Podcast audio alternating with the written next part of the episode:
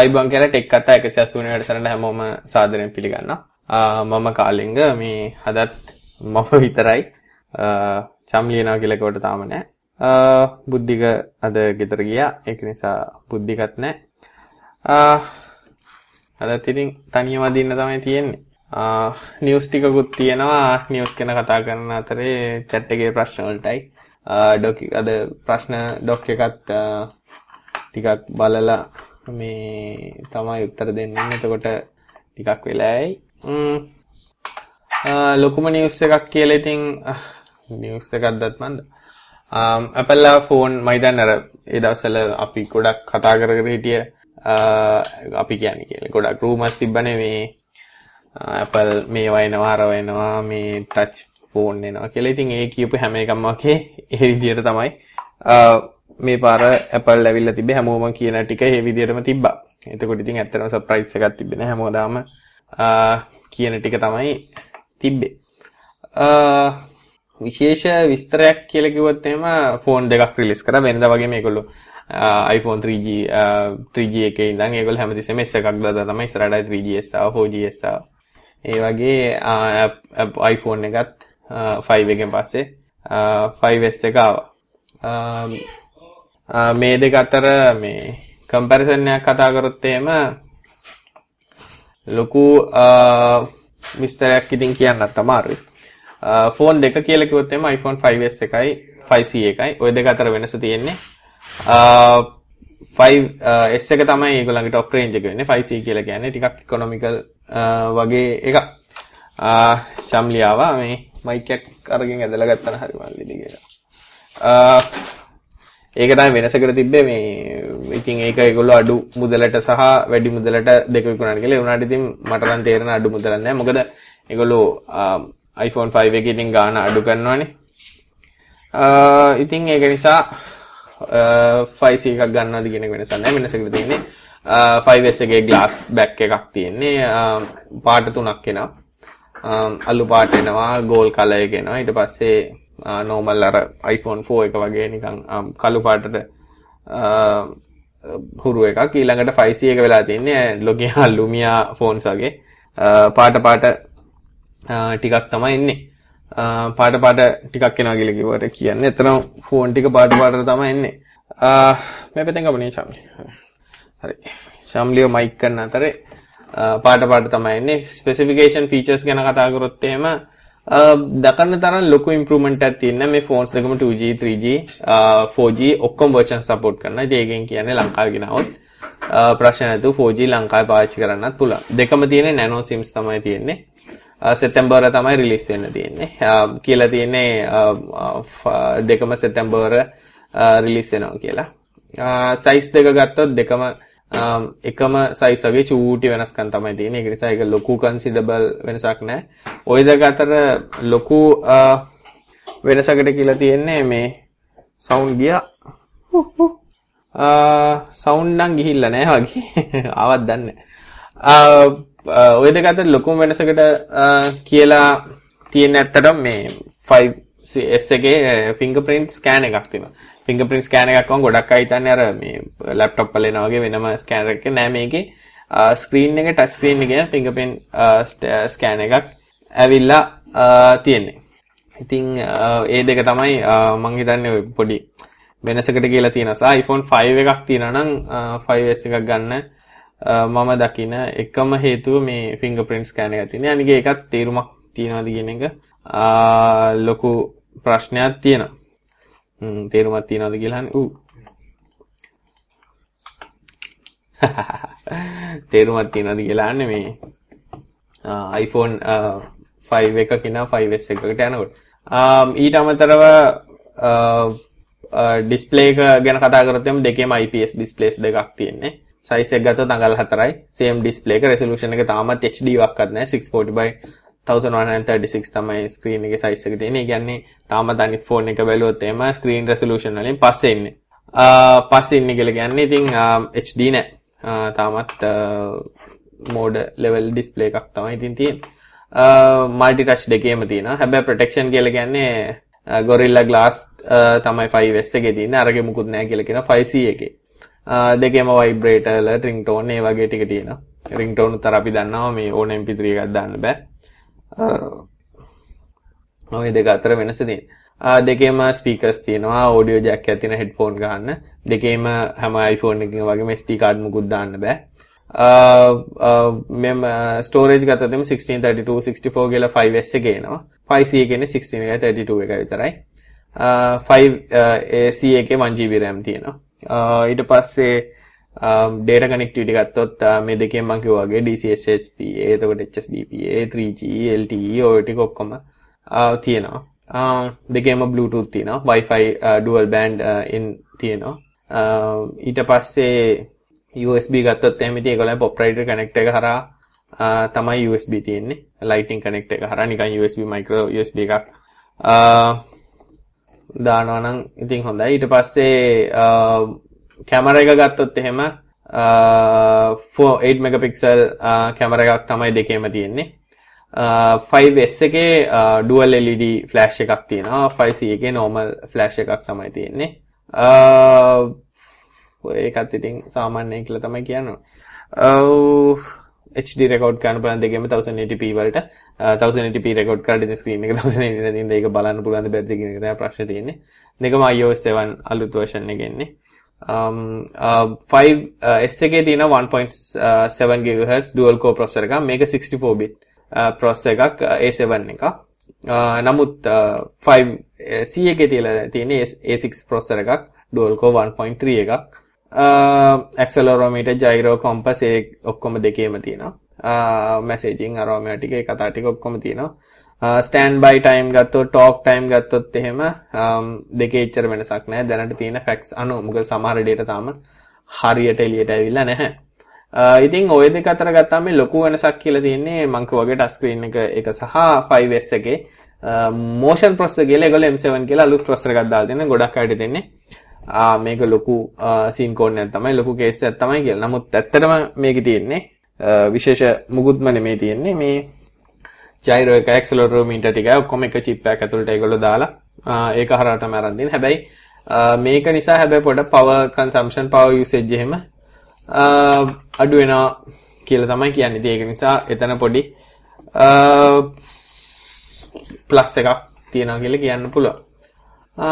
ඉතින් ඕක තමයි iPhone 5 එකේ කතන්දරේ නම් මම නම් කියන්නේ ඉතින් 5 එකක් තියෙනවා 5S එකක් ගන්න එක තේරුමක් එච්චරම නැහැ කියලා.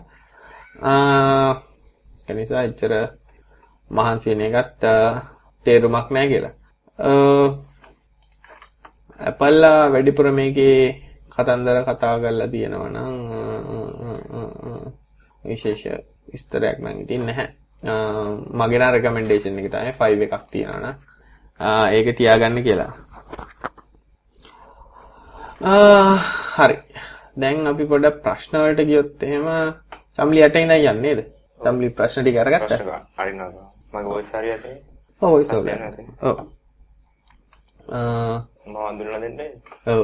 සම්ලි තමයි අර මේ මෙතන අයිනේ ඉන්නේ පේන්නේ. අද එක කැමරාවකයි මොකද සම්ලි එන්නේ නැති වෙයි කියලා ඉතල මම එකක් විතර කවුන ගත්තා. කොච්චර වුණා. ඔව්. රයිට් එන චම්ලි තව දිගාරනනේ ප්‍රශ්න ටික.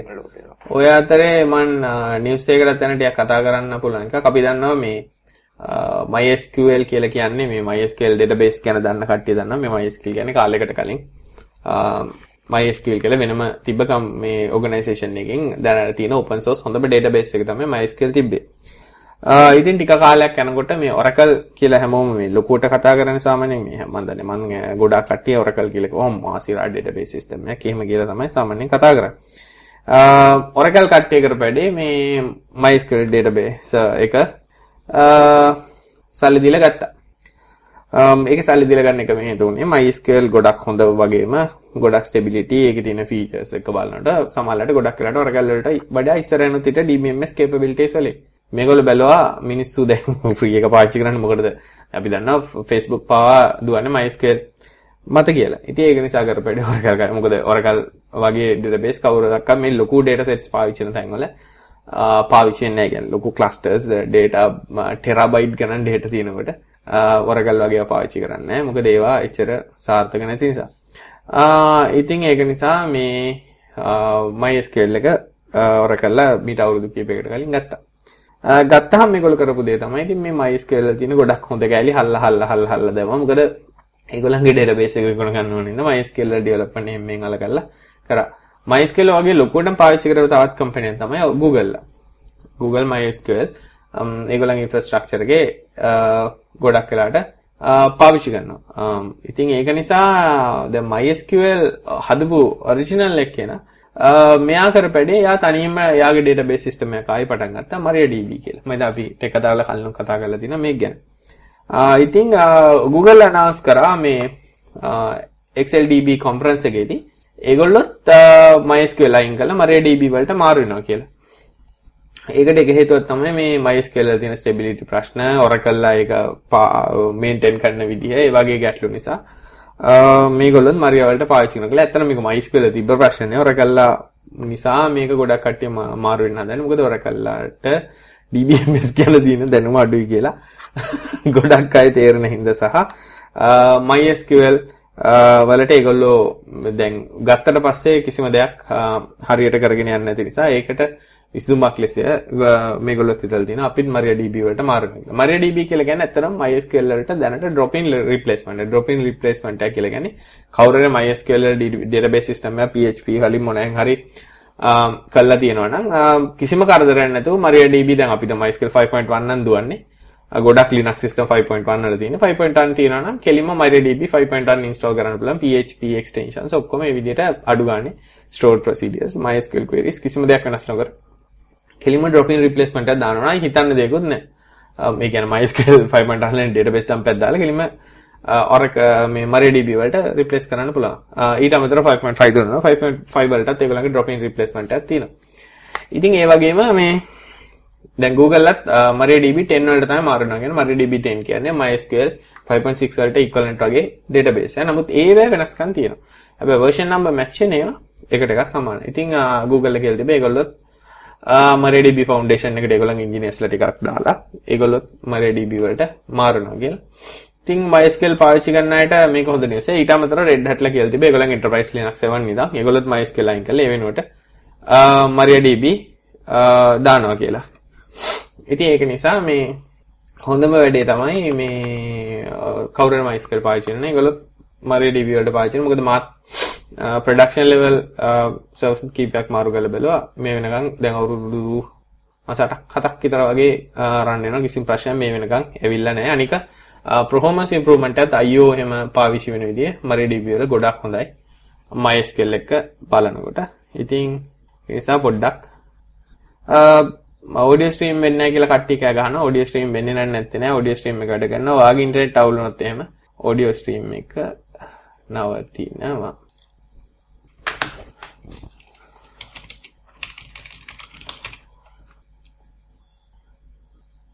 ඔඩියෝ ස්ට්‍රීම් එක ඇත්තටම නැවතිලා.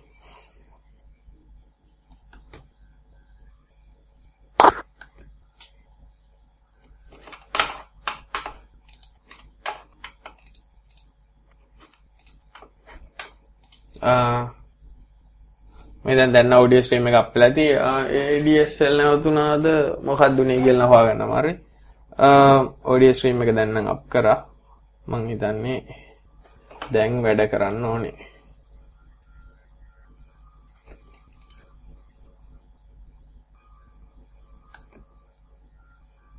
ඔව් මොකක් හරි හේතුවක් නිසා ඔඩියෝ ස්ට්‍රීම් එක නැවතිලා තිබ්බා. ඔඩියෝ එක දැන් ඒකත් හරි.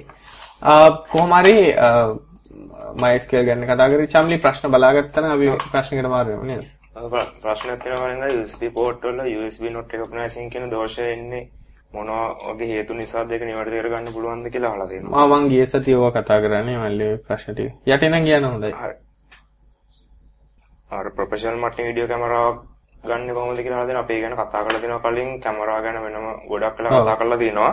පොඩ්ඩක් හොයලා බලන්න ඒක බලා ගන්න පුළුවන් වෙයි කියලා බලනවා. ප්‍රශ්න කරලා දෙනවා කලින් අය මේ වීඩියෝ කැප්චර් කාඩ් එකකින් කෙලින්ම 720p වීඩියෝ එකක් 1080p ආකාරයට කැප්චර් කරගන්න පුළුවන්ද කියලා එයා අහලා දෙනවා මම හිතන්නේ 720ක් 1080 කරගන්න කන්වර්ට් කරගන්න පුළුවන් වේද කියලා මම හිතන්නේ අහලා තියෙනවා. ඔව් වීඩියෝ කැප්චර් කාඩ් කියන්නේ මම නම් දැකලා නැහැ තාම මේ එහෙම මොකද 1080p එකක් uh, කැප්චර් කාඩ් එකට ඉන්පුට් කරනවා අනිවාර්යෙන් HDMI තියෙන කැප්චර් කාඩ් එකක් වෙන්න ඕනේ. ඉතින් එතකොට කැප්චර් software එකට input එකෙන් ඔයාට ඕන නම් ඉතින් define කරන්න පුළුවන් මේක 1080p විදිහට capture කරන්න කියලා. නමුත් upscaling කොච්චර හොඳට වේද කියලා කියන්න තමයි. අනික මම තාම හරියට ලංකාවේ නම් දැකලා නැහැ HDMI capture card තියෙනවද කියලා. මොකද අපිට මේ normal composite හරි S video එකක් කරා වීඩියෝ දෙන්න නම් හැකියාවක් නැහැ ඇත්තට. මේ කියන්නේ HD වීඩියෝ. එහෙම ඇරෙන්න නම් ඉතින් නැත්නම් ඉතින් මේ කැමරාගේ ඔප්ෂන් එකක් තියෙනවා නම් 1080p output එක on කරොත් එහෙම 720 record කරත් 1080p විදිහට upscale වෙලා එනවා. එතකොට ඉතින් capture කරොත් එහෙම ඒක 1080 විදිහටම capture වෙනවා. නමුත් ඉතින් quality වැඩි වීමක් වෙන්නේ නැහැ. නිකන් pixel double pixel වෙන එක තමයි ගොඩක් වෙලාවට වෙන්නේ. ඒ quality improvement එක ගොඩක් වෙලාවට වෙන්නේ නැහැ. ඊළඟ ප්‍රශ්නයද? ඔව් ඊළඟ ප්‍රශ්නය. ඊළඟ ප්‍රශ්නේ ජගත් කියලා කෙනෙක් අහලා තියෙනවා එයාට කා ඔඩියෝ ප්ලේයර් එකකින් හෝම් ඔඩියෝ සිස්ටම් එකක් හදන්න ඕන වෙලා තියෙනවලු. එයාට පවර් සප්ලයි එකක් විදිහට කම්පියුටර් පවර් සප්ලයි පාවිච්චි කරනකොට වොට් 600ම එකට වැය වේදි කියලා අහලා තියෙනවා. ඊට වඩා හොඳ 12 වොට් පවර් සප්ලයි භාවිත කරන එකද හොඳ කියලා අහලා තියෙනවා. ඒකම ඊට අමතරව කා ඔඩියෝ ප්ලේයර් එකකට අමතරව ඇම්ප් එකකුත් ගන්න වේද කියලා අහලා තියෙනවා. eBay එකේ තියෙනවලු 30 Hz 35 වගේ කා ඔඩියෝ ප්ලේයර්ස් මේවත් හොඳයිද කියලාත් අහලා තියෙනවා. ඔව් මෙහෙමයි ප්‍රශ්නේ තියෙන්නේ කවුඩියෝ එකක් ගෙදර එකක් විදිහට පාවිච්චි කරන ලොකු ප්‍රශ්නකට මුහුණ දෙන්න එකක් තමයි කවුඩියෝ වල ඇත්තටම required voltage එක 13.6 වලින් නම් උඩට 12 volts නෙමෙයි අතන ගොඩක් අය 12 volts කියලා කිව්වට කාර් බැටරි එකේ තියෙන voltage එක 13.6 ඉඳන් 14.1 වෙනකම්. ඉතින් ඒක නිසා මේ ඒ වගේ power pack එකක් ගන්න එක තමයි මගේ නම් recommendation එක අඩු ගන්න ampere 6ක් 7ක්වත් තියෙන. ඉතින් සාමාන්‍යයෙන් ampere 10ක power pack එකක් ගත්තොත් එහෙනම් මාගේ power consumption එක watt 130ක් විතර වගේ තමයි වෙන්නේ. කියන්නේ watt 200ක් විතර වගේ. නමුත් computer power supply එකෙන් කාසෙට් වැඩ කරන්න පුළුවන් වුණත් ඒකෙන් හරි ස්ටෙබිලිටි එකක් ගන්න අමාරුයි. මොකද වොලියම් කරනකොට කැඩි කැඩි යන්න පුළුවන්. ඒ වගේ ප්‍රශ්න තියෙනවා. ඉතින් ඊළඟට මේ කාඩියෝ ප්ලේ එකක් ගත්තාම ඇම්ප් එකක් ඕනේ දාන්න නෑ කාසෙට් එක ගොඩක් වෙලාට බිල්ට් ඉන් ඇම්ප් එකක් තියෙන හින්දා ඒක ප්‍රශ්නයක් නැතුව පාවිච්චි කරන්න පුළුවන්. eBay එකේ තියෙන කාඩියෝ මං හිතන්නේ මෙයා මේ කාඩියෝ ප්ලේයර්ස් කියලා අදහස් කරන්නේ මේ ඊ කාසෙට් ගැනද නැත්නම් මේ අර MP3 අරම යහන්න පුළුවන් ලයිටර් එකට ගහන්න පුළුවන් ඒවාද දන්නේ. ඔව් මගේ නම් ඉතින් ඇත්තටම පස්සේ ඉතින් කාඩියෝ එක සල්ලි දීලා අරගෙන ඔය වැඩේ කරන්න යනවනම් කිසි තේරුමක් නැති වැඩක් පොඩි සෙට් එකක් සල්ලි දීලා ගත්තනම් ඊටට හොඳ වෙයි. මොකද කාර් සෙට් එකක් තියෙනවා නම් ඉතින් හයි කල බැලුවට කමක් නැහැ. අනික ඉතින් මේකට ස්පීකර්ස් ගන්න ඕනේ. ඒ වගේ ප්‍රශ්නක් තියෙන හින්දා. ලොජික් කියනවා මට එච්චර තේරෙන්නේ නැහැ. ඉතින් කාර් සෙට් එකක් තියෙනවා නම් කමන්නේ සල්ලි දීලා කාර් සෙට් එකක් අරගෙන ඔහොම එකක් හදන එක එච්චරම රෙකමෙන්ඩ් කරන්නේ කාර් සෙට් කියන හරිම සෙන්සිටිව් ඩිවයිස් එක සෙන්සිටිව් කියලා කියන්නේ දණරින මාරන ටක් ගාලා පිච්චෙනවා වෝල්ටේජ් හරියට ආව නැත්නම් පිච්චෙනවා ස්පීකර් වයර් හිට මෙතන ෂෝට් වුණොත් ගෑවුනොත් වෙනස් වුණොත් පිච්චෙනවා අනික දැන් දැන් මම chat එකේ නිසිෆර් කියන කවුඩියෝ සෙට් සප්ලයි ගලපුවා රීසෙට් වෙනවනේ ඔව් FM අරවම ටියුන් කරලා දිනනේ ඔක්කොම රීසෙට් වෙනවා. ඉතින් ඒ වගේ ප්‍රශ්න තියෙනවා. මගේ නම් අදහස තමයි එහෙම යාට සෙට් එකක් හදන්න උමනාවක් තියනවනේ. පිටකොට පැත්ත ගයානන් ඔය ගොඩක් කරාට MP3 තියෙන රඩියෝ තියෙන පොඩි යුනිට් තියෙනවා. මේ මාත් මෙතන පාවිච්චි කරන වගේ යුනිට් රුපියල් 700කට ගන්න පුළුවන්. ඊට පස්සේ පොඩි ඇම්ප් එකක් අරගත්තා නම් ඔය රුපියල් 1500කට 1000කට විතර ඒවත් පිටකොට පලන්නේ 400 දෙන ඒ දෙකක් අහු කරගත්තා. නැත්නම් එහෙම් පිටින්ම ඔක්කොම තියෙන සෙට් එකකුත් රුපියල් 2000කට 3000කට වගේ ගන්න පුළුවන්. ඒ වගේ එකක් කරනවා සමහරවිට හොඳ වෙයි. ඕ සෙට් එකක් අරගන්නවට වඩා තියෙනවා නම් හොඳයි. හැබැයි eBay එකේ මේ ඩොලර් 30ට 35ට තියෙන කාර් සෙට් ගන්න ඉතින් කියන්න දෙයක් නැහැ. ඒවා තේරුමක් නැහැ. මොකද අනික කාර් සෙට් ලංකාවට ගෙනව මතක තියාගන්න ලොකු ටැක්ස් එකක් වදිනවා. 100ට මට මතකද 150 විතර ටැක්ස් එකක් වදිනවා. එතකොට ඒක ගැනත් පොඩ්ඩක් හිතලා බලන්න. එහෙම නැත්නම් ඉතින් ඔය ගොඩක් ජපන් සෙට් තියෙනවනේ සෙට් වලින් අර 90ට යන හින්දා ගලවපු. ඒ වගේ සෙට් එකක් සමහරවිට අඩුවට මේ දෙල් කඳ පැත්තේ අරගුණොත් හොයාගන්න පුළුවන් වෙයි. ඊළඟ ප්‍රශ්නයට යමු නේ මල්ලියා. ඊළඟ ප්‍රශ්නෙන් අහලා දෙනවා කාලෙන්ගය දිල්ලුම් තාරක් කියලා කෙනෙක් අහලා දෙනවා යාළුවා Lumia 510 ෆෝන් එකක් තියෙන Windows ෆෝන් එකක් ඒක අන්ලොක් කරන විදිය කියලා දෙන්න කියලා දෙනවා. යා මොකද්ද ලොක් එක කියලාවත් කියලා නැහැ.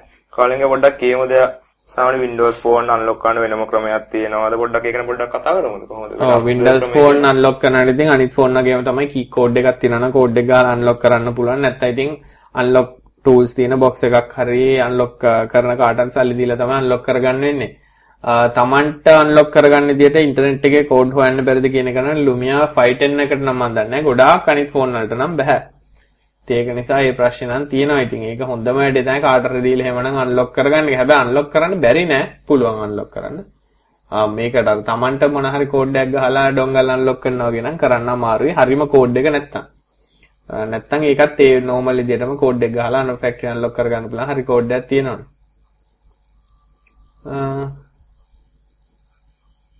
අපි ඊළඟ ප්‍රශ්නේ ඔව් ඊළඟ ප්‍රශ්නේ පැහැදිලි නෑ වගේ ටිකක් හැබැයි. මම කියුව එක. ඔව්. ඊළඟ ප්‍රශ්නේ අහලා තියෙන කාලෙක එයාගේ මැෂින් එකේ dual core 2.8 එක අල්ලු RAM එක 4GB ලු hard එක 5GB ලු එයා Windows 7 or 8 දැම්මම ඔන්නනේ විනාඩි 15ක් විතර වගේ යනවලු. ඔන්න උනාට පස්සේ වැඩ කරන්න ප්‍රශ්නයක් නැහැලු. එයා දැනට යූස් කරන්නේ 8 ලු. එයා RAM එක මාරු කරලා බැලුවලු හැබැයි hard එක මාරු කරේ නැහැලු. වැඩිපුර යූස් කරන්නේ Photoshop CS3 එකයි Lightroom 3.0 කියන software දෙක කිව්වා. ඉක්මනට ඔන්න වෙන්නේ නැති හේතුව තමයි එයාට ප්‍රශ්නයක් තියෙන්නේ.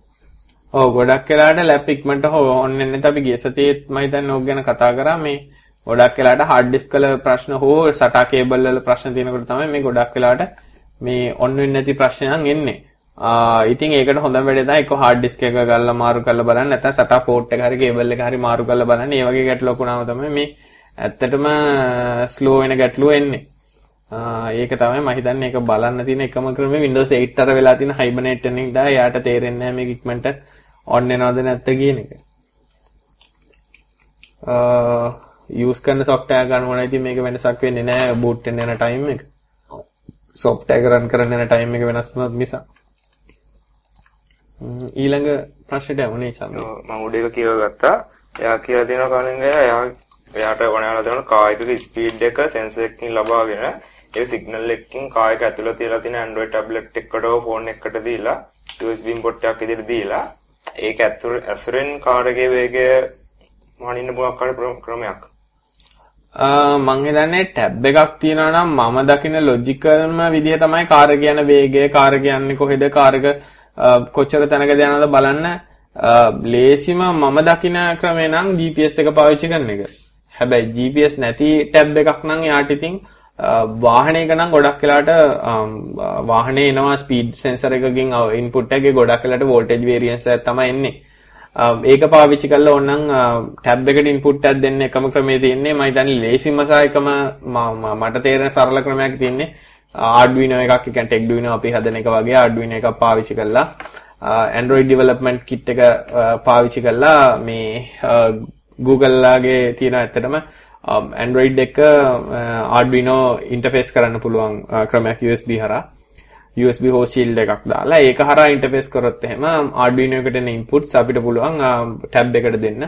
Uh, speed sensors දෙන data ඒ වගේම. එතකොට application එකක් ලියලා Android tab එක උඩ ඒ ටික පෙන්වන්න පාවිච්චි කරන්න පුළුවන්. කිසි ගැටලුවක් නැහැ. මම හිතන්නේ ඒක තමයි මම හිතන්නේ ලේසිම වෙන්නේ. ඊළඟ ප්‍රශ්නෙකට යමු නේ මම. ඊළඟ ප්‍රශ්න අහලා දෙන කාලෙන් අය ස්විචබල් පවර් සප්ලයි වල බේසික් ගැන ඒක ට්‍රබල් ෂූටින් ගැන කතා කරන්න පුළුවන්ද කියලා අහලා තියෙනවා. අපි කතා කරලා තියෙනවා කලින්. මොකක්ද මම? ස්විචබල් පවර් සප්ලයි ගැන. කතා කරලා තියෙනවද අපි? කතා තියෙනවා. මේ අහලා දෙන බේසික් ගැන ට්‍රබල් ෂූටින් ගැන කතා අහලා තියෙනවා. ඒව ගැන අපි කතා කරන්නේ කොහොමද වැඩ කරන්නේ කියලා නම් කතා කියලා තියෙනවා. ඔව්. ස්විචින් මෝඩ් පවර් සප්ලයි කියලා කියන මම හිතන්නේ ගොඩක් අය දන්නේ නැති සාමාන්‍ය පවර් සප්ලයි තුල නම් තියෙන්නේ ට්‍රාන්ස්ෆෝමර් එක එකක් තියෙන මේ හරි පෙන්නේ. පෙන්නේ මම ට්‍රාන්ස්ෆෝමර් සම්ලිට පේනවා මට පේන්නේ. එක මෙතන? අර උඩ උඩ මේස මේස කොනේ තියෙන මෙතන හතර කතර ගහ තියෙන එක. ආ නේ පවර් එක කියන්නේ. ඒක ගලවන්න එපේ. හරි. ට්‍රාන්ස්ෆෝමර් එකත් කොහේ හරි ඇති ට්‍රාන්ස්ෆෝමර් එකක් තියෙන තැන හොයා ගන්න තුරු අර මේ තියෙන ඌ. නැත්තේ නෑ. ට්‍රාන්ස්ෆෝමර් එකක් කියලා කියන්නේ මෙන්න මේ වගේ දෙයක්. මේකේ සරලව දෙය ගත්තොත් එහෙම මේ පැත්තට 230 වෝල්ටීයතාවය දුන්නොත් මේ පැත්තට අපිට අවශ්‍ය ප්‍රමාණයට අඩු කරලා එනවා. මේක ඇත්තටම වෙන්නේ ඇත්තටම වෙන කතාව කතා කරොත් මේක ඇතුලේ වෙන්නේ චුම්බක ශ්‍රේෂ්ඨ දෙකක් අතර කොයිල් එකක් තියෙන නිසා. ඒ දෙක අතර තියෙන වට ප්‍රමාණයේ අනුපාතය අනුව එහා පැත්තෙන් මෙහා පැත්තෙන් එන වෝල්ටේජ් වෙනස් වෙනවා. මේකෙදි හැබැයි හොඳ වැඩක් තියෙනවා. දැන් අපි දන්නවනේ සොසේජ් ෆැක්ටරි එකක් ගත්තොත් එහෙම මේ පැත්තෙන් කුකුල දැම්මම මේ පැත්තෙන් සොසේජ් ඉලා එනවා වගේ මේ පැත්තෙන් සොසේජ් දැම්මම අර පැත්තෙන් කුකුල එන වැඩෙත් මේක වෙනවා. ඒකට කියන්නේ අපි මේ පැත්තට දැන් මේක 12 volt transformer වෙනවා මේ පැත්තට 12 volts අපි AC දුන්නොත් මේ පැත්තෙන් 230ක් එනවා. ඒ කියන්නේ මේක දෙපැත්තටම කන්වර්ෂන් එක කරන්න පුළුවන්. ඒ කියන්නේ drop down transformer එකක වැඩේ කරන්න පුළුවන්. ස්ටෙප් අප් වැඩෙත් කරන්න පුළුවන්. ඒතකොට 12කට දුන්නාම මේ වගේ කරන්න පුළුවන්. නමුත් මේ ස්විච් මෝඩ් පවර් සප්ලයි කියලා කියන්නේ මීට වඩා ගොඩක් එෆිෂන්ට් සහ මේ පොඩි ඉඩ ප්‍රමාණයක් යන සයිස් එකෙන් අඩු එකක් මේ වගේ ඉලෙක්ට්‍රොනික ගැජට් එකක්. ඇත්තටම මේ මේවයි ට්‍රාන්ස්ෆෝමර්ස් තියෙන මේ පොඩි කළු පාට කළු පාට වගේ පෙන්නේ. ට්‍රාන්ස්ෆෝමර්ස් නැහැ. නමුත් මේවා වැඩ කරන්නේ හයි ෆ්‍රීකවන්සි වලින්. හයි ෆ්‍රීකවන්සි වලින් කියලා කියන්නේ ඇත්තටම 200 තියෙන වෝල්ටේජ් එක හයි ෆ්‍රීකවන්සි එකක් විදිහට අප් කන්වර්ට් කළා. එතකොට මේ ෆ්‍රීකවන්සි එක වැඩි වෙනකොට අපි අර කොයිල් ඔතන්න ඕන ප්‍රමාණය ගොඩක් විදිහට අඩු වෙනවා. එතකොට ඒ අඩු වෙන නිසා ඒවා හරහා ගොඩ තව දේවල් කරන්න පුළුවන් වෝල්ටේජ් ස්ටැබිලයිසින් කරන්න පුළුවන්. රෙගියුලේට් um, කරන දේවල් ලේසියෙන් uh, කරන්න පුළුවන් එතකොට uh, දැන් ඒ කියන්නේ උදාහරණයක් ගත්තොත් එම අපිට ඕනේ නම් uh, එන කරන්ට් එක අනුව අවුට්පුට් ලෝඩ් එක අනුව ලෝඩ් එක අනුව මේ එන ඇම්පියර් ප්‍රමාණය කන්ට්‍රෝල් කරන්න. ඒ වගේ ගොඩාක් දේවල් කරන්න පුළුවන්. ස්විච් මෝඩ් පවර් සප්ලයි ගත්තා කම්පියුටර් පවර් සප්ලයි ගත්තොත් එම මෙයා ස්විච් මෝඩ් තමයි දෙන්නේ. අනික ලොකු වෝල්ටේජ් වේරියන්ස් එකක් ඇතුළේ වැඩ කරන්න හදන්න පුළුවන්. අපි සමහරවිට කියන්න පුළුවන් වෝල්ට් 20 විතර ඉඳන් 230 වෙනකම් මේකට ඉන්පුට් කරත් ප්‍රශ්නයක් නොවෙන විදිහට තියෙන්නේ කියලා. මේක අපි දන්නවා. දැන් උදාහරණයක් ඔය ඉලෙක්ට්‍රොනික දන්න නම් දන්නවා. මට අදත් ප්‍රශ්නයක් කියලා තිබෙන්නේ එක්කෙනෙක් අහලා තිබා එයා 70ටයි 0.5 රෙගුලේටරයක් දාලා වෝල්ටේජ් එක ඩ්‍රොප් කරාම. ඒ රෙගුලේටර් ගොඩක් රත් වෙනවා. බැටරිත් ඉක්මනට බහිනවා කියලා. ඔව් ඒ කතාව ඇත්ත මොකද මේ රෙසිස්ටිව් ඒ කියන්නේ ලිනියර් රෙගුලේටර්ස් පාවිච්චි කරනකොට වෝල්ටේජ් එකේ වෙන ඒ කියන්නේ ඇත්තන ප්‍රතිරෝධයක් නිසා තමයි මේ වෝල්ටේජ් එක අඩු කරන්නේ. එතකොට මේක තාපෙලෙස ගොඩක් යනවා. එෆිෂන්සි ගොඩක් අඩුයි. ඒ නම ස්විච් මෝඩ් පවර් සප්ලයි ගත්තොත් මේක ඇත්තටම ඉන්නේ පල්ස් එකක් විදිහට on off on off PWM කියලා ඉගෙන ගන්න pulse width modulation කියලා තියෙන. ඒ වගේ පල්ස් එක වෙනස් වීම අනුව තමයි වෝල්ටේජ් එක ඩිෆයින් කරගන්නේ. මම පෙන්නම ස්විච් මෝඩ් පවර් සප්ලයි එක මොකද්ද කියලා ඩිලාන් අහන මේක ඇත්තටම එල්ල 12 volts DC වෝල්ටේජ් එකක් දුන්නාම ATX මදර්බෝඩ් එකකට පව දෙන්න පුළුවන් කන්වර්ට් එකක්. මේක වෙන්නේ ඇත්තටම ATX standard power supply එකක්. මේක හරහා එනවා. එතකොට ATX කෙලින්ම ATX මේ device එකක් තියෙනවා මේකෙන් කෙලින්ම ගන්න පුළුවන්. ATX device එක කියන්නේ motherboard එකක් ඉතින් ඒකකට power දෙන්න පුළුවන්. ඒක නිසා ගොඩක් වෙලාවට switch mode power supply තමයි දැන් හැමෝම පාවිච්චි කරන්නේ මේක ෆීඩ්බැක් සිස්ටම් එකක් එක්ක දුවන හින්දා ඉතින් කිසි කරදරයක් නැහැ මේ පොඩ්ඩක් Google එකේ මේ Wikipedia එකේ ගිහලා switch mode power supply කියන එක සර්ච් කරන්න. ඒකේ ගොඩාක් තියෙනවා කොහොමද මේවා වැඩ කරන්නේ drop up drop down කරන්නේ කොහොමද DC to DC conversion කරන්නේ කොහොමද. ඒ විස්තර ගොඩක් තියෙනවා. trouble shooting නම් ඉතින් කරන විදිහට normal electronic එක trouble shoot කරන විදිහටම තමයි ඉතින් trouble shoot කරන් තියෙන්නේ. ඉතින් ගොඩක් වෙලාවට මේකේ ස්කෙමැටික් එකේ කියන්නේ සර්කිට් එක තියෙනවා නම් ට්‍රබල් ෂූට් කරන්න ගොඩාක් ලේසි. එහෙම නැත්නම් ගොඩක් වෙලාවට අනික ඉතින් අර ගොඩක් වෙලාට ඇහෙන් පේන දේවල් වලින් කරපන් කන්ඩෙන්සර් ඉදිමිලා තියෙනවා නම් ඒ වගේ දේවල් හොයාගන්න ලේසි. ගොඩක් වෙලාට ඉතින් මේවා IC කන්ට්‍රෝල් කරලා තියෙන මයික්‍රෝ කන්ට්‍රෝල් සමහර ඒවා මයික්‍රෝ කන්ට්‍රෝල් කන්ට්‍රෝල් තියෙන්නේ. සමහරවිට මයික්‍රෝ කන්ට්‍රෝල් වගේ දෙයක් අවුල් වුණොත් එහෙම ඉතින් ටිකක් ඒව හොයලා බලන්න වෙනවා කොහොමද කින්ද බඳ වැඩ කරන්න කියලා මොකද software ඇතුලේ දුවන්නේ. ඒවා නම් ඉතින් සමහරවිට IC එකකින් දැම්මත් වැඩක් නැහැ software එක ඇතුලේ නැත්තම්. ගොඩාක් වෙලාට ස්විච් මෝඩ් පවර් සප්ලයි වලට FETs සහ standard switch mode power supply වලට එන ICs තමයි එන්නේ. ඒවා කන්ට්‍රෝල් ICs තියෙන්නේ. ඒවා ගොඩක් වෙලාට හොයලා බැලුවොත් එහෙම කිසි කරදරයක් නැතුව ගොඩ දාගන්න පුළුවන්. මොට්ටු කියන හොඳ පවර් සප්ලයි එයාට හොඳ UPS එක කියන්නේ බැටරි උපරිම මාස 6ක් වගේලු තියෙන්නේ. වින්ස් වගේ පවර් UPS එකක් ගන්න එච්චරම නරක නැහැ.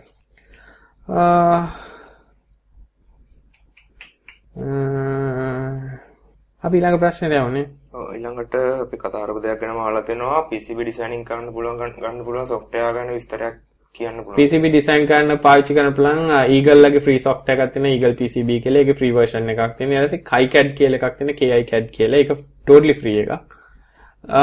මම නම් දැනට පාවිච්චි කරන්නේ KiCad තමයි. ඒක ටිකක් ලේසි මුලින් Eagle පාවිච්චි කරා. කීකැඩ් එක ගොඩක් ලේසි ඒක පාවිච්චි කරලා බලන්න මම හිතන්නේ ඒක ගොඩක් හොඳයි නැත්නම් ඉතින් ඊගල් වල නම් PCB size එක සහ pin limitation එක හරි මොකක් හරි එකක් තියෙනවා සාමාන්‍ය එකක් ඩිසයින් කරගන්න නම් ඊගල් වුණත් ප්‍රශ්න නැහැ. මොකද ගොඩක් අය ඊගල් සපෝට් කරන නිසා. නැත්තම් ඉතින් LTM අරවම කියලා ටිකක් සල්ලි දීලා ලොකුට ගන්න යදින ඒවා තේරුමක් තියනවද කියන එක තමයි ප්‍රශ්නේ. ගොඩාක් කයිකැඩ් නම් Linux Windows ඔක්කොගෙම වගේ වැඩ කරන එක නිසා. ඒ වගේ පාවිච්චි කරන අවුලක් වෙන්නේ නැහැ. ඊළඟ ප්‍රශ්නට යවුනේ චම්ලි. ඊළඟට කාලෙන්ගේ අමිල කියලා කෙනෙක් අහනවා. එයා සවුත් කොරියාවලු ඉන්නේ. එහෙ ගොඩක් කට්ටිය යූස් කරන Samsung laptopලු. ඉතින් එයා අහලා දෙන Samsung හොඳයිද කියලා අහලා දෙන ඒත් ඒත් එක්කම එයා කියලා දෙන බ්‍රෑන්ඩ් පහක් දීලා තියෙනවා ඒ පහෙන් හොඳම වගේ මොකද්ද කියලා. ඒ පහේ තියෙනවා HP, Acer, LG, Asus එක Samsung තියෙනවා. ඒත් එක්කම එයා අහලා දෙන බ්‍රෑන්ඩ් කම්පියුටර් එකක් අපි ගන්නකොට ඔරිජිනල් OCD එකක් අපිට දෙනවද කියලාත් එයා අහලා තියෙනවා. මම හිතන්නේ හොඳම ලැප්ටොප් මොකක්ද කියන එක අපි ඕන තරම් කතා කරලා තියෙනවා නේද? ඒක එකනුත් දෙන්න පුළුවන්. ඔව් ඒ ස්කිප් එක ඒක ස්කිප් කරලා දාලා Samsung ගැනත් අපි කතා කරලා තියෙනවා Samsung ලැප්ටොප් හොඳයි නරකයිද කියන කතාවත්.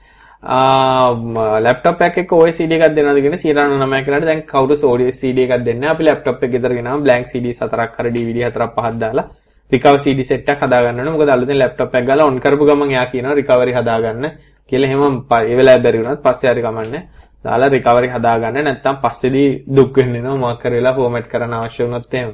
මේක තමයි හොඳම වැඩේ. ඊළඟ ප්‍රශ්නට යමු නේ සුමුදු කියලා කෙනෙක් ගහ දෙන කාලේ dialog TV වලින් රෙකෝඩ් කරන PVR files machine එකෙන් කම්පියුටර් එකෙන් view කරන්න පුළුවන්ද කියලා අහලා දෙනවා එයා. එයා ඉතරයි අහලා තියෙන්නේ නම්. මොකද්ද? dialog TV වලින් රෙකෝඩ් කරන PVR files බෑ බෑ ඒක proprietary විදියට රෙකෝඩ් වෙන එක බලන්න බෑ. නිවස් එකටත් මාරුවෙන් මේ මේකෙදි එච්චර ලොකු නිවස් එකක් නෙමෙයි. Google ලා ඒගොල්ලෝ දැන් අර හැමෝම ෆ්ලැට් එකේ නේද කියන්නේ ෆ්ලැට් වෙනවා කියලා කියන්නේ ෆ්ලැට් ඩිසයින් කියන එක තමයි Windows 8 වල ෆ්ලැට් ඩිසයින් ආවා. ඊට පස්සේ දැන් iOS වලට ෆ්ලැට් ඩිසයින් ආවා. දැන් Google ලත් ඒගොල්ලන්ගේ logo එක ෆ්ලැට් කරලා තියෙනවා. අර 3D ගතිය නැති කරලා ෆ්ලැට් කරලා තියෙනවා. මේකත් ඒගොල්ලෝ ඇප්ලයි කරගෙන යනවා. ඉතින් නිවස් එකද කියන එකත් ලොකු ප්‍රශ්නයක්. ආ ඊළඟ ප්‍රශ්නේ යමුනේ තම්ලි ඊළඟ ප්‍රශ්නට යමු ඊළඟ ප්‍රශ්නේ කරලා තියෙන බණ්ඩාර කියලා එකක් අහලා තියෙනවා. එයාට CSI කාඩ් එකක් ගන්න පුළුවන් තැනක් ගැන අහලා තියෙනවා. ඒක hard drive එකකට server එකක server hard disk එක තමයි ඉල්ල තියලා තියෙනවා. ස්කසි කාඩ් නම් ඉතින් ගොඩක් ලංකාවේ හොයාගන්න අමාරුයි. eBay වගේ තැනකින් තමයි මම හිතන්නේ ඕඩර් එකක් දාලා ගන්න මමත් දැකලා නම් නෑ ස්කසි කාඩ් තියෙනවා ගොඩක් වෙලාට බ්‍රෑන්ඩඩ් ඒවා නම් ඉතින් ඒගොල්ලන්ගේ සපෝට් දෙන අය ගාව තියෙනවා. නමුත් අපි සර්වර් එකක් හදනවා නම් ස්කසි කාඩ්ස් හොයාගන්න අමාරුයි දැන් ගොඩක් වෙලාට ස්කසි පාවිච්චියත් ගොඩක් අඩු වෙලා තියෙන නිසා. සාස් වගේ තමයි දැන් පාවිච්චි කරන්නේ. ඉතින් ඒක නිසා ස්කසි පොඩ්ඩක් හොයලා බලන්න. eBay නම් මම එක සැරයක් නම් ගෙන්නගෙන දින ඒ දැන් ගොඩාක් කාලයකට කලින්. දැන් ඉතින් පාවිච්චි කරනවා නම් දැකලා නැහැ ස්කසි ගොඩක් අය. පරණ සර්වර්ස් තියෙන පාවිච්චි කරන නිසා අලුත් ඒවා ගොඩක් වෙලාට ස්කසි නම් පාවිච්චි වෙන්නේ නැහැ දැන්. ප්‍රශ්න තියෙනවා බන්නට තව ප්‍රශ්නයක් අහනවා යාගේ POTV කනෙක්ෂන් එක වෙලාවට බෆර් වෙනවලු. ඉතින් රවුටර් එක ඕෆ් කරලා ඔන් කරලාට පස්සේ විනාඩි 10ක් විතර හොඳට වැඩ කරනවලු. ඒක නම් ඉතින් ගොඩක් වෙලාට SLT එක තමයි කියන්නේ SLT දීපු රවුටර් එක ගොඩාක් වෙලා රවුටර් එක ගැටලුවක් වෙන්න පුළුවන්. රවුටර් එක රත් වෙනකොට ස්ලෝ වෙනවා වෙන්න පුළුවන්. එහෙම ගොඩාක් බාල රවුටර් වල වෙනවා. ඒක පොඩ්ඩක් SLT කම්ප්ලේන් පාරක් දැම්ම නම් හරි. ඊළඟ ප්‍රශ්නයක්ද? ඔව්. ඊළඟ ප්‍රශ්නේ අහනවා ඩයලොග් වල තියෙන SMS ඩයෝඩ් කියන ඔප්ෂන් එකක් තියෙනවනේ. ඒ වගේ ටිසලාට් වලත් අපිට ඕන SMS එන SMS එක ඩයිවර්ට් කරන ක්‍රමයක් තියෙනවද කියලා අහලා තියෙනවා. අපිට අවශ්‍ය නම්බර්ස් වලින් විතරක් එන SMS එක ඩයිවර්ට් කරන්න පුළුවන්ද කියලා අහලා තියෙනවා. ওই ප්‍රශ්නයන් අහන්න ඕනේ ටිසලාට් එකෙන් මගෙන් නම් නෙමෙයි. මොකද මේ ඒගොල්ලන්ගේ දෙන ෆීචර් සර්විස් ගන්න කිසිම අදහසක් මට නැහැ.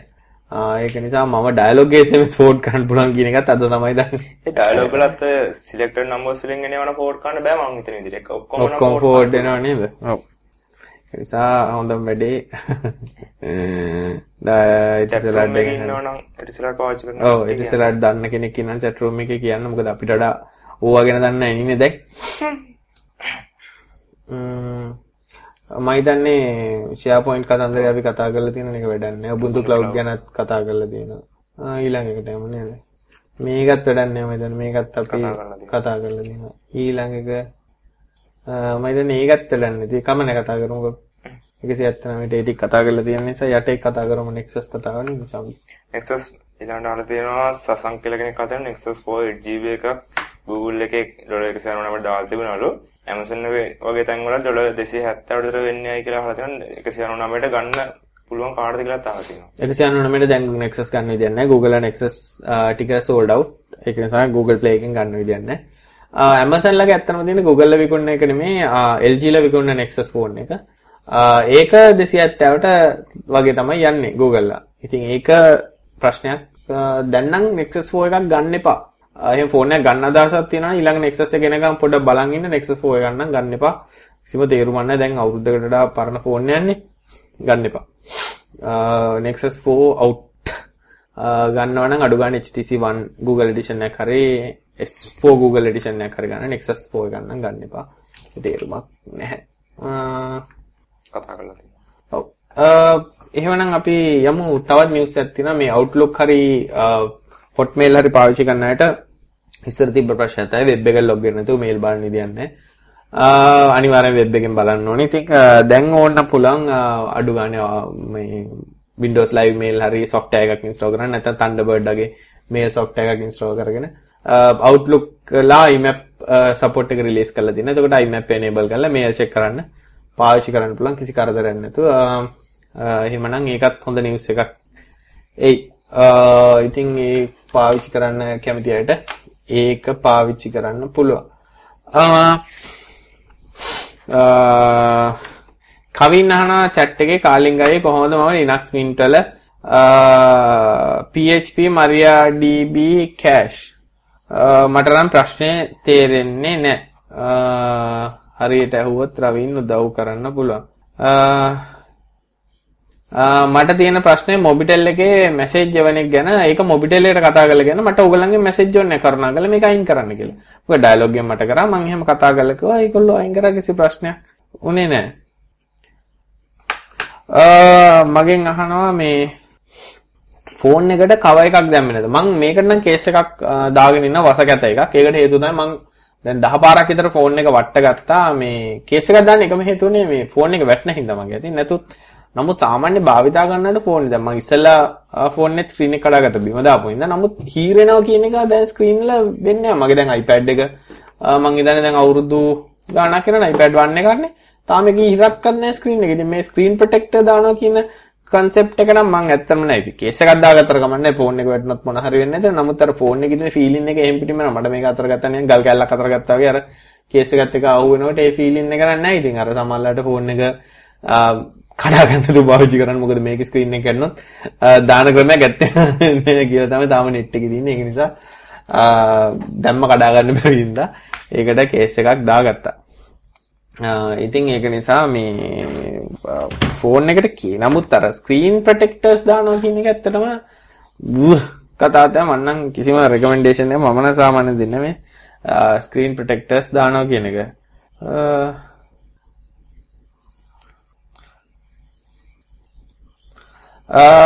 විජය කියනවා මේ එයාට කියන්නකෝ virtual private network එකක් හදාගන්න විදිය 3 different location වලට. ඒකට ඉතින් ඔප්ෂන්ස් දෙක තුනක්ම තියෙන එකක් තමයි කවුන්ටර් ප්‍රොවයිඩර් කෙනෙක්ට කියලා කියනවා අපේ සයිට්ස් වල ලින්ක් කරලා දෙන්න කියලා. එතකොට ඒගොල්ලෝ සයිට් ටු සයිට් ලින්ක්ස් දාලා කනෙක්ට් කරලා දෙනවා. එහෙම නැත්තම් කරන්න පුළුවන් Tamanට සර්වර්ස් ටිකක් දාලා OpenVPN IPsec වගේ එකක් පාවිච්චි කරලා Tamanට VPN සර්වර්ස් ඉන්ස්ටෝල් කරගෙන සයිට් ටු සයිට් එක ලින්ක් කරගන්න පුළුවන්. එහෙමත් බැරනම් ඊළඟ ඔප්ෂන් එක තමයි VPN capable routers ටිකක් අරගෙන ඒවා හයි කරලා ඒවා configure කරගන්නත් පුළුවන්. ඕකෙන් පළවෙනි ඔප්ෂන් එක ඒ කියන්නේ ISP කෙනෙක්ගෙන් ගන්න එක තමයිලාට මිල අධික වෙයි. ඒගොල්ලෝ ලොකු charge එකක් ගන්න ඉතින්. Tamanට සර්වර්ස් ටික දාලා හදාගන්න එක ලේසි සහ එකපාරට මේ වෙයි. නමුත් දීර්ඝ කාලිනව යනකොට මේන්ටේන් කරන්න වට හැකියාවක් තියෙනවා. තුන්වෙනි එක ඉතින් ටිකක් දෙපැත්තටම බර නැතුව ගානට තියාගෙන රවුටර්ස් ගන්න යම් කිසි මුදලක් වැය කරත් දීර්ඝ කාලීන වෙනකොට ඉතින් එච්චර කරදරයක් දෙන එක නැහැ හાર્ඩ්වෙයාර් ඩිවයිස් එකක් නිසා අකුණු ගහලා යම උනේ නැත්තම් රවීන් අහනවා මේ කවින් අහනවා මේ කොහොමද Linux Mint වල PHP MariaDB memcache install කරන්න කියලා. ඉතින් MariaDB නම් ඒගොල්ලන්ගේ MariaDB site එකට ගියාම repo එක add කරගන්න පුළුවන් MariaDB වල. එතකොට apt-get කළා MariaDB install කරගන්න පුළුවන්. memcache උත් apt-get කරලා install කරන්න පුළුවන්. PH with apt-get කරලා install කරන්න පුළුවන්. හරිම ලේසි දැන් MariaDB දාගත්තා නම් apt-get install කිව්වා space එකක් තිබ්බා මා mint system වල sudo කියලා මුලින් ගහන්න ඕනේ. Sudo apt-get uh, space එකක් install කිව්වා space එකක් තිබ්බා mariadb කියලා ගැව්වා space එකක් තිබ්බා php කියලා ගැව්වා space එකක් තිබ්බා php-mysql කියලා ගැව්වා space එකක් තිබ්බා php-mysql i කියලා ගැව්වා. ඉතින් ගැහුවට පස්සේ uh, repos ටික install කරලා තියෙනවා නම් ඒ repos වලින් අරගෙන install කරන්න. හැබැයි uh, mariadb repo එකෙන් include කරන්න නැතුව නම් mariadb install වෙන්නේ නැහැ.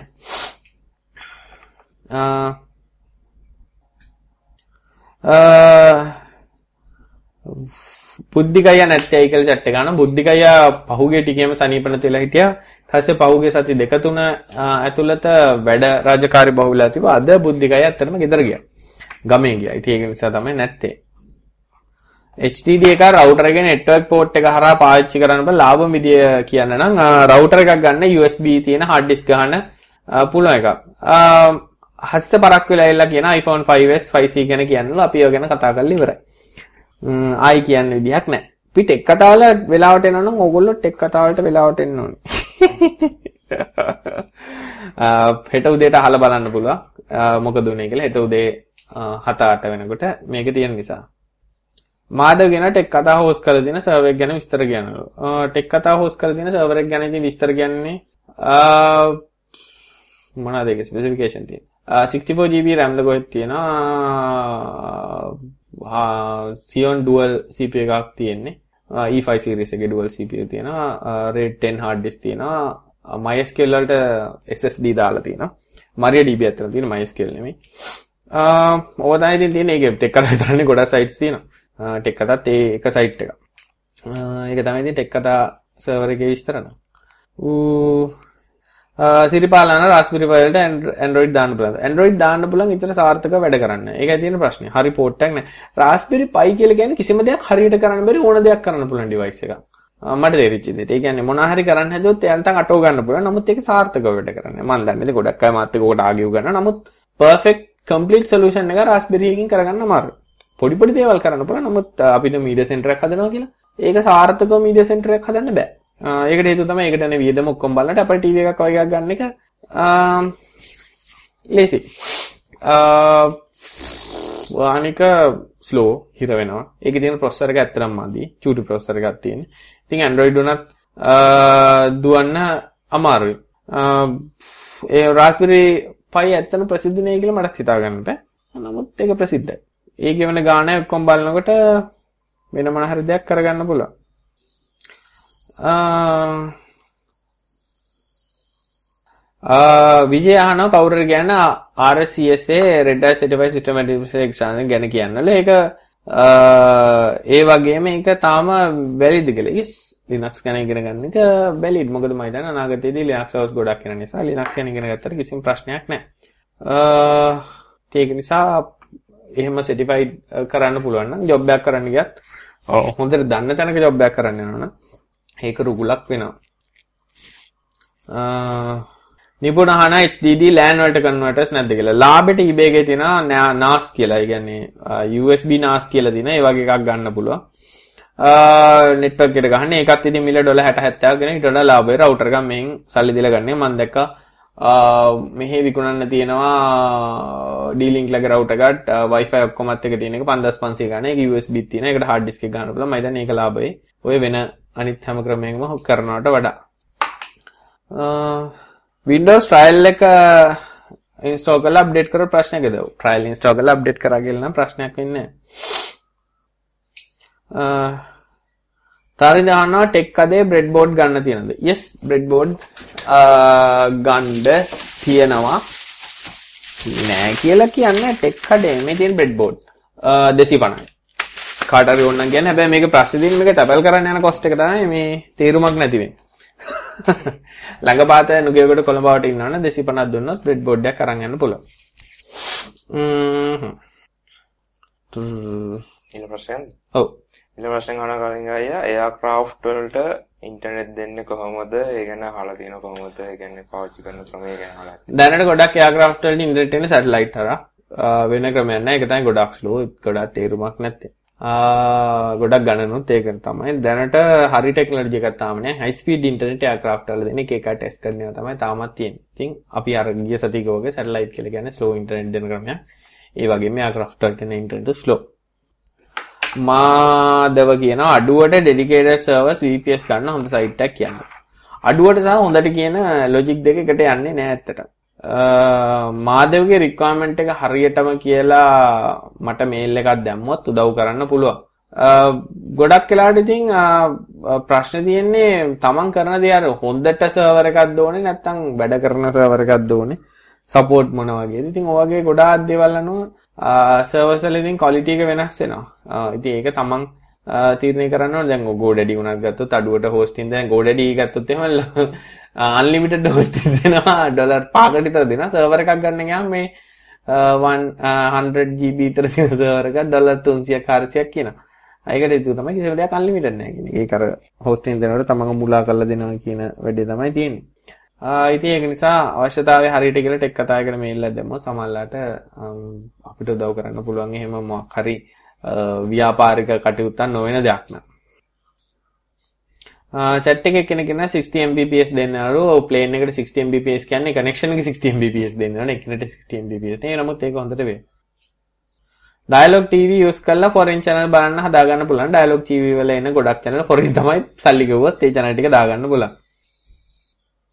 චැට් එකේ කෙනෙක්න කාලිංග අපේ සභාවේ වරිපනම් වලට software එකක් ගන්නවා. ඒක වැඩ කරන්නේ Firefox වලින්. ඒත් ඉන්ටර්නෙට් ඕනේ නෑ. Firefox open කරපු ගමන් ඒ username password දැම්මාම enter කරාම පුළුවන්. ඒක ළඟදී ඉඳන් ලංකාවේ server local host server not found කියලා එනවා. මේක ෆයිල් කොහෙද තියෙන්නේ හොයාගන්න බෑ. කොහොමද හොයාගන්නේ? ආම් ඕක ඇත්තටම ඉන්ස්ටෝල් කරලා ඇත්තේ ඔයගොල්ලෝ ඉන්ටර්නෙට් අවශ්‍ය නැහැ කියලා කියන්නේ ඔයගොල්ලන්ගේ ඔෆිස් එක ඇතුලේ සර්වර් එකක් දාලා ඇති. ඒ සර්වර් එකේ තමයි ඔය ඇප්ලිකේෂන් එක ඉන්ස්ටෝල් කරලා ඇති. එහෙම නැත්නම් සමහරලාට ඕක දාලා ඇති. තව කම්පියුටර් එකක් තුනක් ඉන්ස්ටෝල් කරලා තියෙන්න පුළුවන්. මොකද වෙබ් සර්වර් එකක් විතරයි ඔකට අවශ්‍ය. Firefox එකෙන් ගොඩක් වෙලාට එන්නේ හැබැයි ඕ මට මේ ලොකුම ප්‍රශ්නේ තියෙන්නේ local host server not found කියලා කියන එකයි local host server කියනවා නම් ඔය ඇප්ලිකේෂන් එකත් ඉන්ස්ටෝල් කරලා තියෙන්නේ ඔය මැෂින් එකේමයි ගොඩක් වෙලාට Apache හරි එහෙම නැත්නම් IIS උඩ හරි ඉන්ස්ටෝල් කරලා තියෙන්නේ local host කියලා ගහන්නේ මේ මැෂින් එකටම. තමන් ඉන්න මැෂින් එකේම තියෙනවා නම්. ඉතින් හොඳම වැඩේ තමයි ඕක කරපු කාට හරි හම්බ වෙලා ඒගොල්ලෝ කොහොමද කරේ මොකද්ද කරේ කියලා හොයලා බලන එක තමයි හොඳම වැඩේ. වැඩි අතපත ගන්න ගිහලා තියෙන ටිකක් නැති වෙන එකක් නිසා මොකක් ගොඩක් වෙලාට වරිපණම් වගේ දෙයක් නා ඕකේ මේ සෙන්සිටිව් ඩේටාත් ඇති නිසා. පොඩ්ඩක් ඒ අදාළ කරපු සමාගමට කියන්න පුරන් නම් හොඳයි. එහෙමත් ලොකුම බැරි කමක් තියෙනවා නේද ටෙක් කතා කරලා පෞද්ගලික මේල් එකක් දාන්න අහල පහල ඉන්න කොළඹවට තැනක් නම් අපිට සමහරලාට ඉතින් අපිට උනත් එහෙම එන්න හැකියාවක් තියෙනවා නේද එළෝ දව්වක් දෙන්න බැරි කමක් නැහැ ආණ්ඩුවේ දෙයක් නිසා.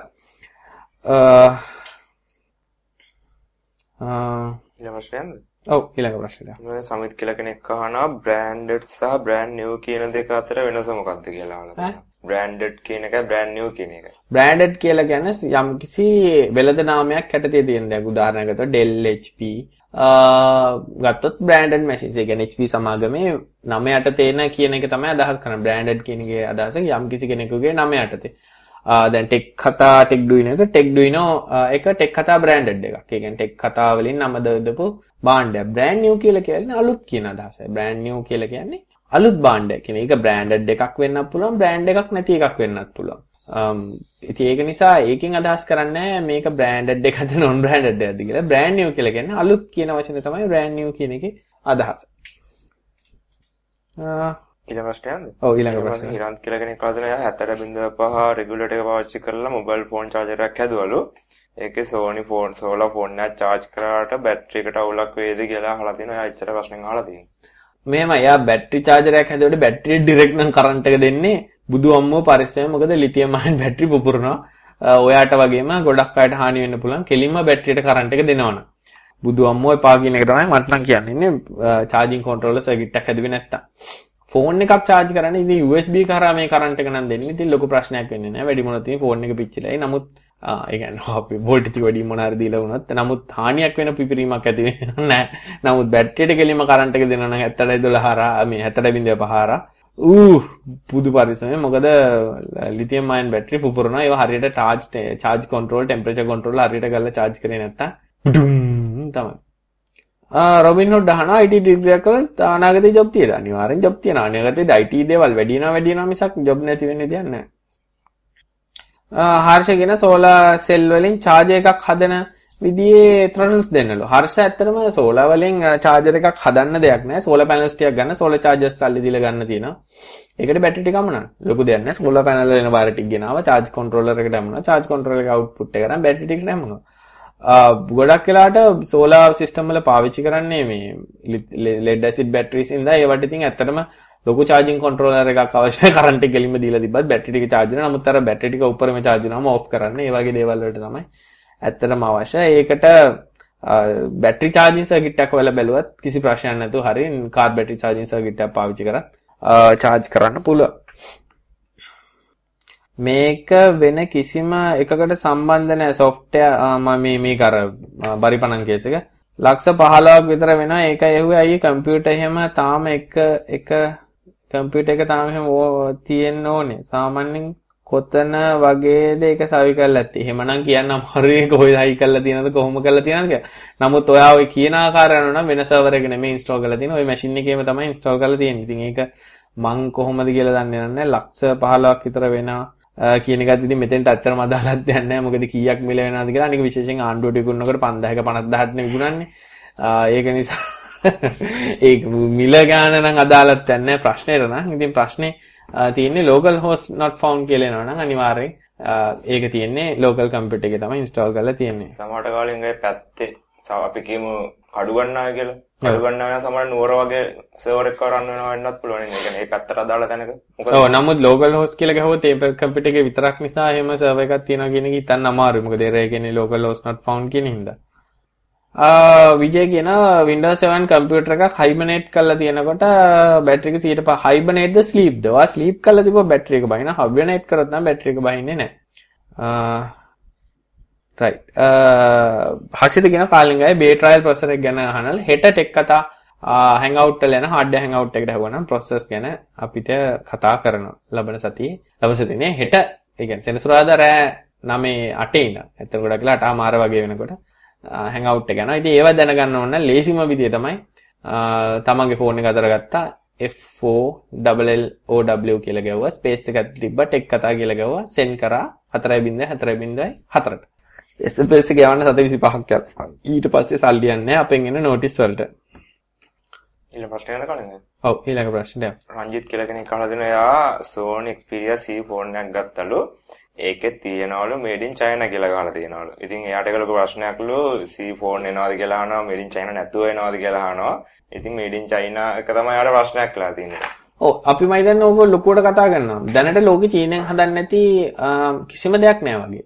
චීනේ තමයි සියලුම දේවල් හදන්නේ. ඉතින් ඒක නිසා මේ ළඟදී මට එහෙම වැඩක් වුණා. මම පිටකොටේ බඩුවගයක් ගන්න ගියා මේ ඉලෙක්ට්‍රොනික බඩුවගයක් ටෙක් ටෙක් ඩුයිනෝ හදනකොට අපි කැපැසිටි අරම ලංකාවෙන් මේ කියන්නේ ගොඩක් ඒවා ලංකාවෙන් ගන්න නිසා. මේ මනුස්සයා මට කියනවා මේ මම ඇයි මේ ගණන් වෙනද දෙන ගණන් නෙමෙයි අද ගණන් ඒ කියන්නේ. වෙන තැනකින් මම නෙමෙයි අතන ගිහලා අපේ ඔෆිස් එකේ වෙන කෙනෙක් තමයි සාමාන්‍යයෙන් ගිහලා කැලිටි ගෙන මම එදා ගිහින් ඉතින් මම කිව්වා මේ වෙනදනම් මේ ගණන් වලට තමයි දාලා තිබේ. ආ මෙහෙන්නම් වෙන්නේ දැන වෙන කොහෙන් හරි අරන් එනවා ඇති. අපි චයින බඩු විකුණන්නේ නැහනේ මට පුදුම හිතෙන යකෝ. මේ කැපසිටර් චීනේ මං හව දැන් ඔයා එතකොට මේ නිචිකොන් අරව මේ වගේ හොඳ ඒවාද මේ අපිට දෙන්නේ කියලා. නෑ නෑ මේවා තායිවාන් ඉන්දියාවේ ගහන්නේ වල. තායිවාන ඉන්දියාවේ. යකෝ ඉන්දියාවේ ගහන කැපසිටර් එකක් මම ගන්නවද? චීනේ ගන්නයක් ඊට වඩා හොඳයි කියලා හිතන නිසා. චීනේ ගන්න එකක් තමයි හැම එකම iPhone එකේ සිට මේ මේ ටෙක් කතා කරන හැම කෑල්ලක්ම චීනේ තමයි හදලා තින්නේ. ටෙක් කතාවල මේ chat එක දාලා audio stream කරන සහ audio record කරන MacBook එක චීනේ. ටෙක් කතා දැන් වීඩියෝ එක stream කරලා upload කරන Mac mini එක චීනේ. ටෙක් කතා පේන Samsung ViewSonic monitor දෙක චීනේ. Logitech keyboard එක සහ mouse එක චීනේ. මේ ටෙක් කතා මේ mixer එක හයි කරලා තියෙන එක චීනේ. ටෙක් කතා mic එක චීනේ. ටෙක් කතා තියෙන Logitech කැමරා එක චීනේ. මම හිතන්නේ චීනේ නැතුව වෙන බඩුවක් මෙතන තියනවාද කියන එක මට ලොකු සැකයක් තියෙනවා. බෆලෝ කියන මයි නාස් එක පල්ලෑ තියෙන එක ජපන් කම්පැනි එක ඒකත් චීනේ. මෙතන තියෙන Edifier කියන ස්පීකර්ස් දෙක මගේ තියෙන එක චීනේ. මෙතන AOC කියලා මොනිටර් එකක් තියෙනවා මගේ USB එක චීනේ. මේ Arduino ඔරිජිනල් එකක් තියෙනවා ඒක චීනේ. ඒක නිසා ෆෝන් එක චීනේ හැදුවා කියන එක ගැන කිසිම කරදරයක් වෙන්න එපා. සියලුම දේවල් චීනේ තමයි දැන් හදන්නේ. ඒකට හේතුව තමයි අඩුම මිලකට දේවල් කරන්න පුළුවන් එකම රට චීනේ. ඒක නිසා සමහරලාට දැන් අපි iPhone එකක් ඇමරිකාවේ ඕඩර් කරාම ඇමරිකාවට ෆෝන් එක ඇවිල්ලා කරන්න කෙලින්ම ඒ අදාළ ගණන්ට ෂිප් කරන්නෙම චීනේ ඉඳන්. ඒක නිසා සියලු දේවල් චීනේ. ඒක නිසා ඒක ගැන එච්චර බය වෙන්න දෙයක් නැහැ. අපි අද නවත්තුමුනේ චම්ලි. තව ප්‍රශ්නයකට යනවද නැත්තම්? ඒක ප්‍රශ්නයක් ආවද? ඔව්. එයාලා තියෙනවා ෆෝන් අන්ලොකින් වල පාවිච්චි කරන කෝඩ්ස් තියෙනවනේ සමහර. ඒ කෝඩ්ස් මේ සල්ලි ගෙවලා ගන්න පුළුවන් එහෙම ජෙනුයින් සයිට්ස් තියෙනවද කියලා හොන ඒ කියන්නේ ඔක්කීමක් තියෙනවා. ඒක නම් මම හරියටම දන්නේ නැහැ. ෆෝන් කරන කට්ටියකින් තමයි ඒක නම් අහන්නේ ගොඩක් කට්ටිය ඕව උත්තර දෙන්නේ නැහැ. මොකද ඒගොල්ලන්ගේ ව්‍යාපාරයට හානි වෙන නිසා. අපි කියමු අපි අහගෙන ඉන්න කවුරු හරි ඉන්නවා නම් ඉන්නවා නම් කමෙන්ට් එකක් දාන්න කැමති නම් යටින් කමෙන්ට් එකක් දාන්න එක්ක YouTube වීඩියෝ එකේ හරි නැත්නම් ටෙක් කතා සයිට් එකේ හරි කමෙන්ට් එකක් දාන්න. එතකොට අනික එක අපිට කියන්න මතක නැති තියෙන හැමදාම දෙයක් මොන හරි අපි කතා කරන දෙයක වෙනසක් වෙනස්කමක් තියෙනවා නම් ඔයා දන්න දෙයක් තියෙනවා නම් කමෙන්ට් එකක් ඉදිරියට දාන්න ඒක ගොඩක් වෙලාට වටිනවා මොකද ඊළඟ සැරේ කවුරු හරි බලනකොට අපි වරදක් කරොත් අපි ඉතින් වැරදි වෙනවා ගොඩක් වෙලා අපි දන්නේ නැති දේවල් සමහරවිට වෙන වෙන ඒවා කියනවා ඒක නිසා එහෙම හදලා කරෙක් කරොත් ඊළඟ පාර මේ ප්‍රශ්නේ තියෙන කෙනා හොයනකොට එයාට ලොකු උදව්වක් වෙයි. හරි උත්තරේ හම්බ වෙනකොට. එහෙනම් අදට යමුනේ චම්ලි. දැන් චම්ලි අන්තිම මොහොතේ කඩාපාත් වුණා. එහෙනම් අපි දිගටම ඉන්නවා. ආයිදිකට මේ. අපි එහෙනම් ලබන සතිය හම්බ වෙමු. හැමෝටම සුබ සතියක්. සුබ රාත්‍රියක්. අපි ටෙක් කතා 180 එකෙන් ඔව් බුද්ධිකවත් ඇදගෙන ඇවිල්ලා බලමු. හෙට මතකද වර්තමාන කියන්නේ. හර්ෂ මේ දවස්වල කාර් එක පේන් කරනවා. මේ දවස්වල එක්ස්කියුස්. කිව්ව නැත්නම් හොඳ නැහැ නේ ඉතින් කිව්වහම නෑ අපි ළමන සතිය හම්බෙමු.